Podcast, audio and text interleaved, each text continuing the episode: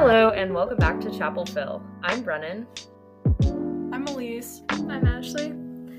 And today we're talking about UNC attendance and participation policies and how to go about ethical learning in general. Ashley will be talking about the problems with current attendance policies, and Elise will be talking about the problems with current participation policies. Then I will question everything that they're saying and we'll go from there. Here we go. So, to start, I'm going to be talking a little bit about UNC's attendance policy. Um, they have three uh, basic reasons why you can be absent for any class meetings, and that includes university authorized activities, uh, disability slash religious observance slash pregnancies, or also significant health conditions, uh, personal and family emergencies, um, as approved by the Office of Dean of the Students. But also, university approved absences are still subjective to however a professor wants to handle things per their syllabus. And I know personally, um, I've had a lot of problems with this with professors that aren't as understanding. And I feel like this solution can often be extremely broad and just kind of slap a band aid on attendance problems instead of honoring what students need on a case by case basis.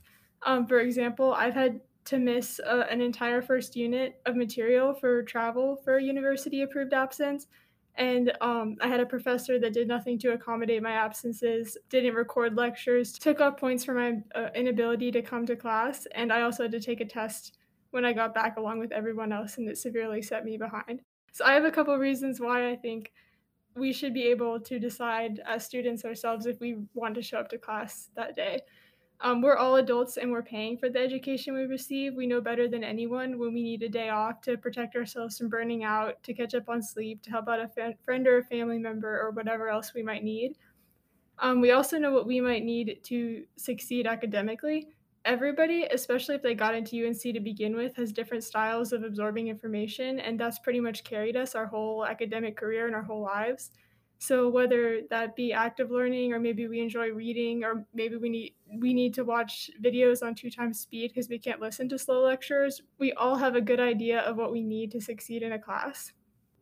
Um, as we're transitioning to a place mentally where education becomes something we're pursuing for ourselves, we shouldn't have to explain to people how we need to handle our day-to-day needs um, within the context of our long-term educational goals when we're the ones paying for all of it. Okay, so while I do think that those are great points, um, I just have a couple of questions. So the first one is about just attendance in general. So there's a large body of research on attendance having positive influence on student outcomes. And if it is a professor's job to ensure students understand all the material, attendance policies could be useful to value the collective success of their students over the individual situations of a few, which can be worked out with just proper communication. And it sounds like in um, your example, like the professor was not doing their end of that deal to properly communicate and help you out with your individual situation. How can professors go about making sure that students still have this like very broad understanding and that the entire class is not just kind of being alone with the professor? I think that's a really great question, and you bring up a lot of good points with that. Um, I think where we need to kind of view this is like taking professors outside of the equation entirely, um, because there are some places where they don't really need to have a say. Um, in this situation, we're all adults, we're all placing certain value on getting a degree, and that's evident in the money we're putting towards it.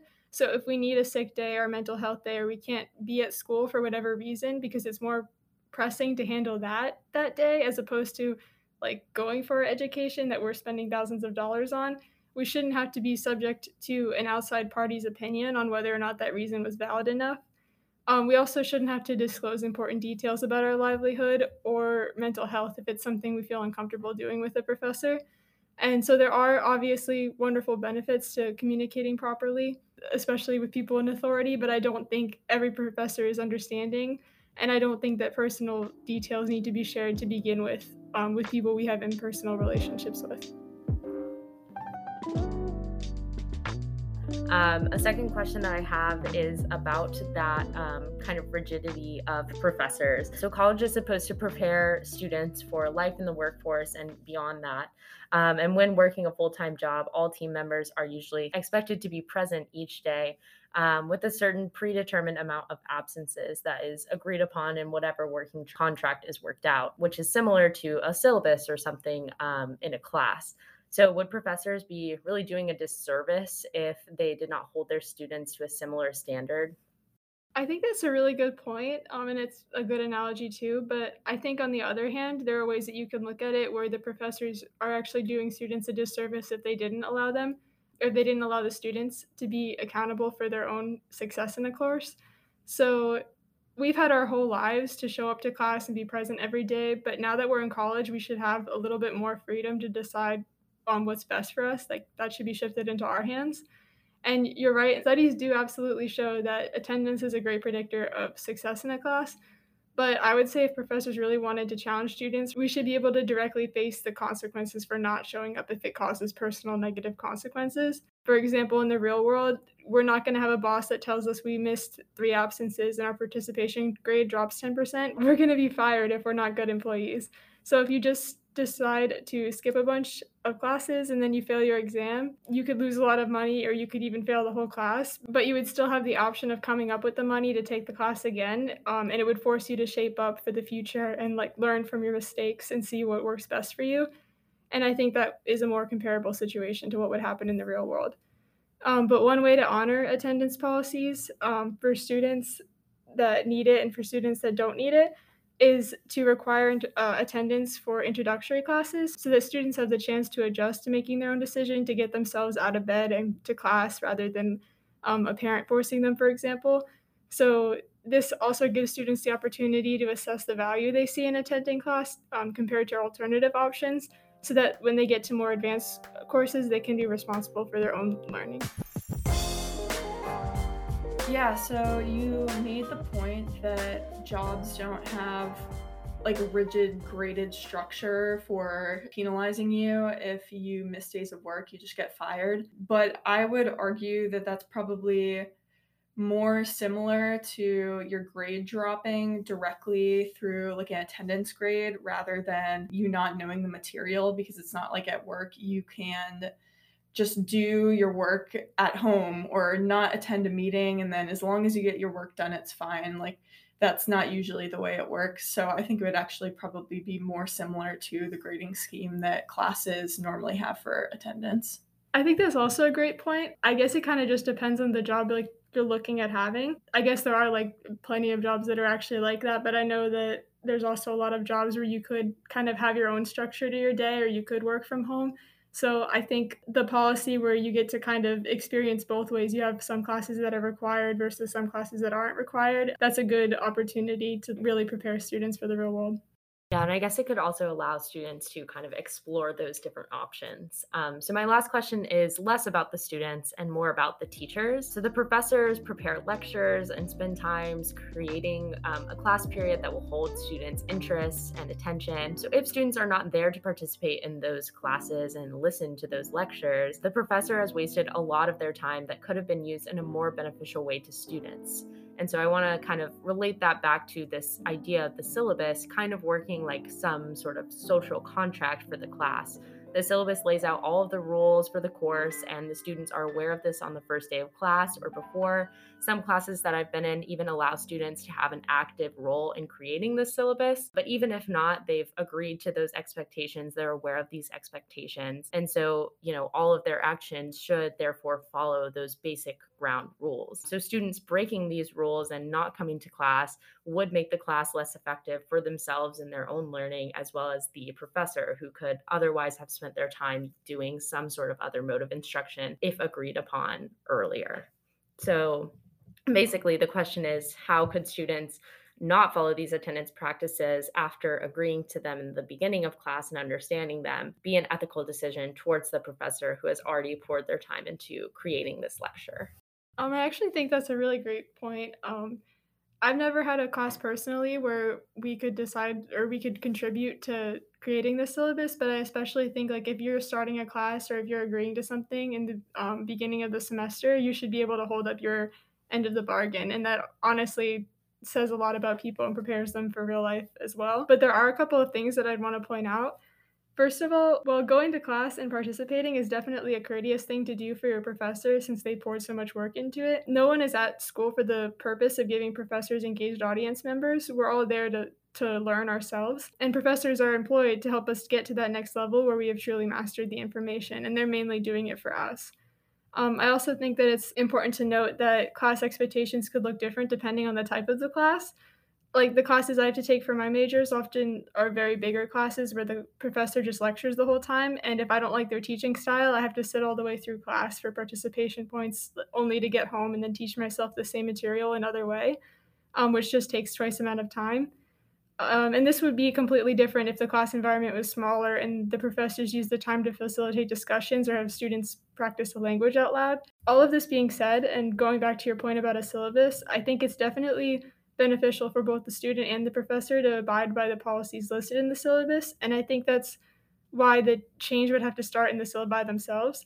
A lot of the time, students just have to accept the syllabus, whether they like it or not, because if it's a requirement for them to complete a certain class, but there are some ways that professors can modify their policies to accommodate people with many different needs. For example, I know that for in- introductory physics classes, they do take points for attendance, but your if your final exam average is higher than your participation average, the grade can be replaced.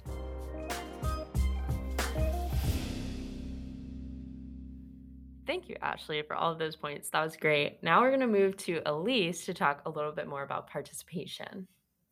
As with attendance, there's a question of if students should be penalized for not participating in class if they know the course material, because students do, after all, pay tuition. College students are adults and are expected to enter the workforce after they graduate.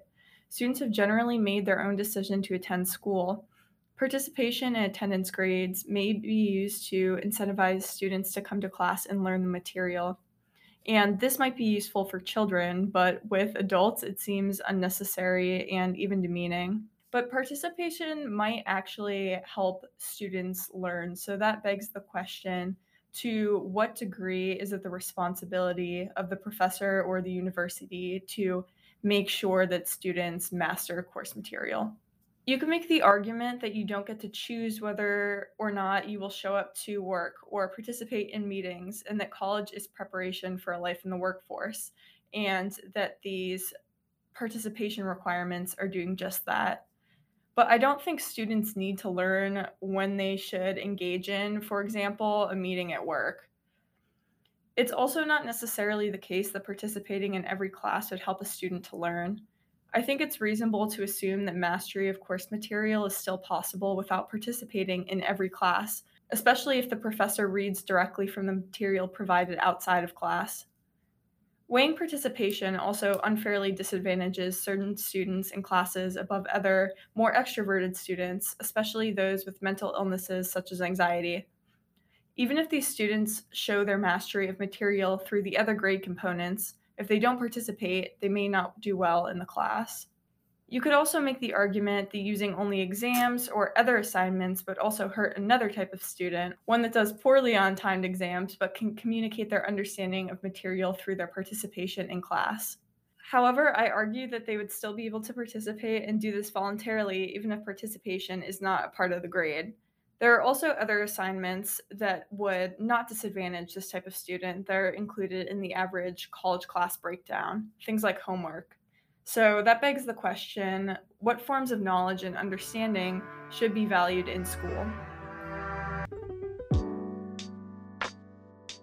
Maybe then the answer is to have a diversity of assignment and assessment types in college, and maybe to let students choose between them so they can best show their understanding of the course material.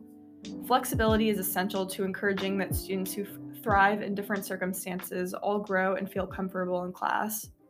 Although in the real world there are situations where one must take themselves out of their comfort zone to excel, it's not clear to me that a college classroom should be preparation for these types of situations. Students who feel uncomfortable being forced to participate in class may choose to not show up at all.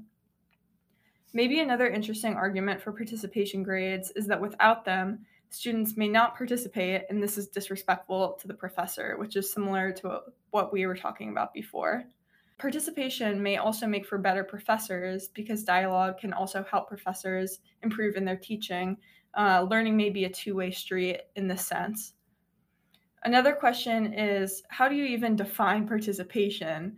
Is it how often someone speaks in class? Is it the quality of the questions asked? Is it engagement with specific things that the professor says? And if it is any of these things or all of them, how do we measure participation?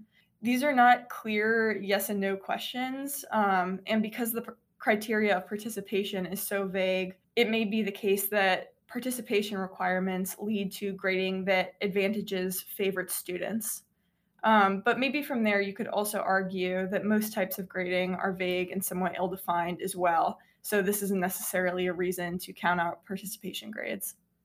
Yeah, so to push back on some of what you said, just going back to how the needs of students are really diverse. And so while participation may not be the way that some students want to um, kind of engage with the material and get their grades, other students may, that may be like one of their only ways that they can really engage in the material properly. So even when you mention homework, some students may have jobs or other um, things that they have to do outside of the classroom that make homework even harder to get done and complete. So, you know, because all of these students' needs are incredibly diverse and the whole class may suffer because these professors would be like stretched too thin trying to figure out what each individual situation is, especially in these bigger classes. How could professors manage meeting all of those needs of all the students, especially if they are like being very flexible to each individual's needs. I don't think that flexibility necessarily means that professors should have to accommodate every student's wishes to make sure that they're never uncomfortable or never want to do um, or never have a problem with completing assignments because like i feel like all college students sometimes dislike doing homework and certain parts of the course, but I think that's fine. But I think the issue is systemically disadvantaging one type of person. So I think maybe the answer is then letting students choose between two different types of assignments, for example. So maybe if a student feels uncomfortable participating in class, they can write a forum post or choose to do an extra written assignment instead to show that they understand the course material. So I don't think it has to be individualized like every student, but an element of choice would definitely go a long way.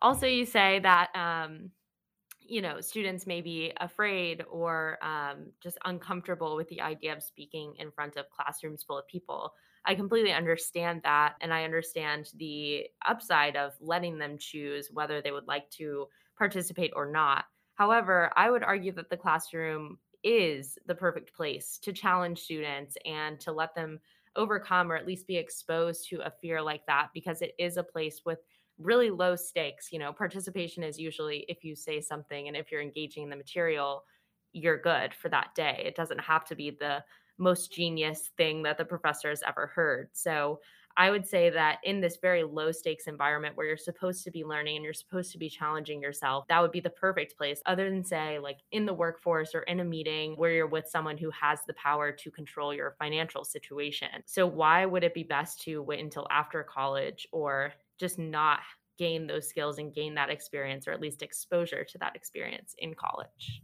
Well, I think the first thing that I would say is that not all jobs involve an element of public speaking. There are many jobs where you work by yourself or you uh, set your own hours and you don't have to go to meetings or do anything related to public speaking. So, for all students, a requirement like a participation requirement wouldn't actually be preparing them for anything um, because they wouldn't be doing that in their job. I also think that a lot of this assumes that it's the professor's responsibility to make sure a student is prepared for their job after graduation.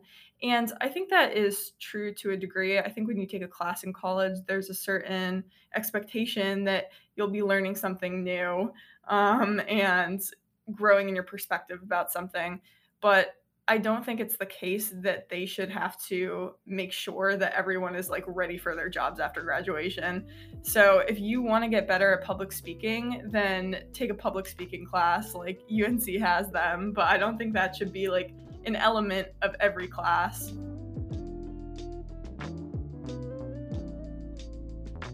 Yeah, so like you were also talking about how participation in the classroom can be relatively low stakes compared to other um, times that you would have to speak publicly. And I would probably say that for people with social anxiety, those times speaking in class may not feel so low stakes. And I don't think that it's necessarily the responsibility of the university to push them out of boundaries, especially people with mental illnesses. I also know that when you're you are constantly in life getting pushed into situations where you have to deal with new people and like open up, speak out. You're not it's nothing new when you encounter it in college and it's not like it's something that you recover from if you're automatically just kind of built that way. So it's just like an anxiety inducing situation and it's not teaching you a lesson, it's just who you are in those kinds of situations. I will say, um, while I definitely understand and agree with that, that um, it may not be good for all students, um, some students may feel like pressure in the classroom to speak um, or pressure like fear of speaking in classes or to small groups of people where they would not choose to take a public speaking class or where they would not choose to do these things these requirements may open them up. And so um, while I'm not necessarily talking about those who have a mental illness or have significant anxiety around this, some students may, you know, have these fears but are able to overcome them. And so maybe not in all classes, but I would say that still in at least some like intro classes or something, it may be important um, in order to push those students out of their comfort zone a little bit in order to get them to have those experiences and to know if they would want a job like that or not. I guess I still don't really think it's the university or professor's responsibility to push students out of their comfort zone. Um, and this might be a hot take, but I feel the same way about general education requirements. So, having to take courses in a lot of different disciplines. I think that these policies and participation requirements are paternalistic in a sense, where they're trying to make sure that a student does something for their own good. But I think as long as the university is pro- providing opportunities for growth, that they shouldn't be making sure students take advantage of these opportunities. Because again, like students are paying tuition, like it should be their choice if you're paying this large sum of money for this education. Yeah, I definitely understand that. And um, so, with that, we'll move to my next question, um, which does have to do with students paying a lot for tuition. So, while I completely understand what y'all are saying about the students who are paying tuition and being forced to do something that they may not want to do or that may have negative consequences on them. But there's also this other alternative side of if you are in a classroom that really relies on participation, which I've been required to take many of those classes, this participation requirement is not necessarily even to push students out of their comfort zone. It is more to make sure that the conversation has opportunities for students to engage in that material and engage with their peers because as you mentioned one of your questions at the end of your argument was that you know engaging with this material and hearing other perspectives about the material can enhance learning and can enhance like how the professor is teaching and how everyone looks at the material that's being given. So in those classes where it is important to have these conversations and it is important to really participate and engage with each other the lack of participation would damper the educational experiences of everyone in the class, um, regardless of whether someone is privy to participating or not. And so, those who are paying that same amount in tuition and wanting to have this engaging conversation with the material may not be able to do so because of like other students who may not want to participate um, for any given reason. And if that requirement is taken away, won't participate. Yeah, I totally agree with the underlying theme that is people, students should be learning from each other in class, and that if there is a lack of dialogue on one side, then uh, learning for the other person may be disrupted. But I think that people can learn from each other, students can learn from each other in more situations uh, beyond just speaking in class to each other. Um, you could have a conversation through a forum post, give feedback on a paper or an assignment or something like that. It doesn't necessarily have to be spoken dialogue, it can also be written dialogue, which would be less anxiety inducing for people who really hate speaking up in class. And that would still create this two way street of learning between students in a class. So, okay, so this has been Chapel Phil. Thank you so much for listening. Um, please check out our Instagram if you want more at the Chapel Phil podcast. Um, the end. I don't know what else to say after that. Thank you.